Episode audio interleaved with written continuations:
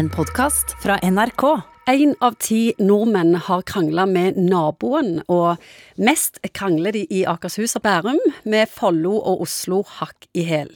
De krangler om sol, utsikt, hekker, fellesareal, parkering, støy og dyrehold. Konfliktrådet bader i tusenvis av saker hvert eneste år, og psykolog Egon Hagen, har du noensinne krangla med naboen?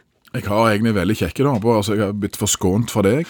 Det er lett å være tolerant når det ikke rammer deg. Du kan si Det er klart at folk må avgi hager og parseller til fellesskapets turområder, helt til det rammer deg. Ja, Tenk hvis noen kommer og tar din parkeringsplass eller din nattesøvn. Ja, jeg tror mange er ikke klar over hvor mye privat eiendom betyr for den enkelte.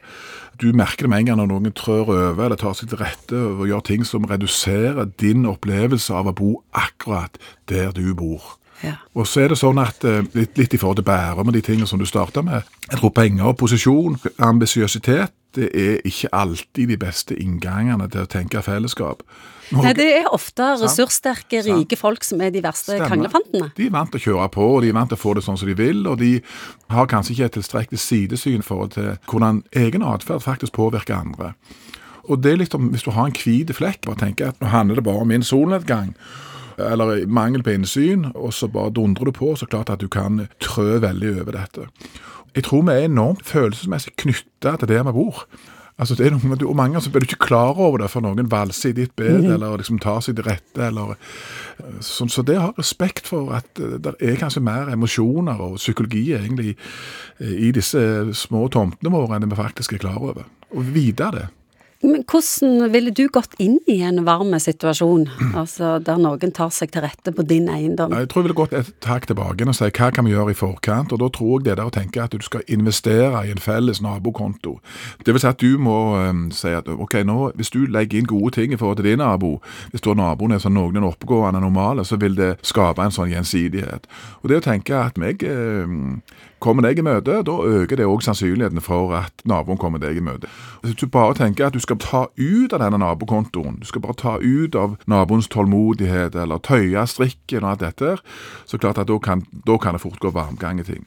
Og hvis det går varmgang i ting, så er det jo lurt å ta det opp jo før jo heller. Og så er det jo, som i alle ting, det er jo òg skikkelige stabeisere og rødhål, og da, går det vel noen ganger varmgang i dette, og dette må løftes til et annet nivå. Sånn er det jo bare. Men det du sier, det er altså gå helt tilbake til hva innstilling du har. Ja, det er litt sånn i forhold til venner, i forhold til partner og alt dette. Og prøve liksom også å investere i forholdet, sånn at du har litt å gå på. Og forhold til unger, faktisk. Jeg sier Det er lurt å gjøre seg kredittverdige overfor ungene, sånn at de aksepterer ei grense. For det er mye kjekt inn på den kontoen. Og er det mye kjekt, så vil du i mye mye større grad være tolerant hvis det kommer noe som du ikke er like fornøyd med. Konfliktrådet vil ikke kåre vinner og taper. Hva lærer vi av det? Klart at noen, Hvis de opplever at de er tapere, er- kanskje mange folk da, som aldri taper noen ting, og som har vært veldig drevne og ambisiøse og stort sett fått til det meste, og kjører svære biler, så hvis de opplever at de taper en sak i forhold til naboen, så kan det være dårlig. Så Derfor er fokuset mer på løsning, ting som begge kan leve med, og som på en måte er kompromisser. Og det er jo fordømt lurt, det, Ingvild, i forhold til mange ting her i livet. Du har hørt en podkast fra NRK. Hør flere podkaster og din NRK-kanal i appen NRK Radio.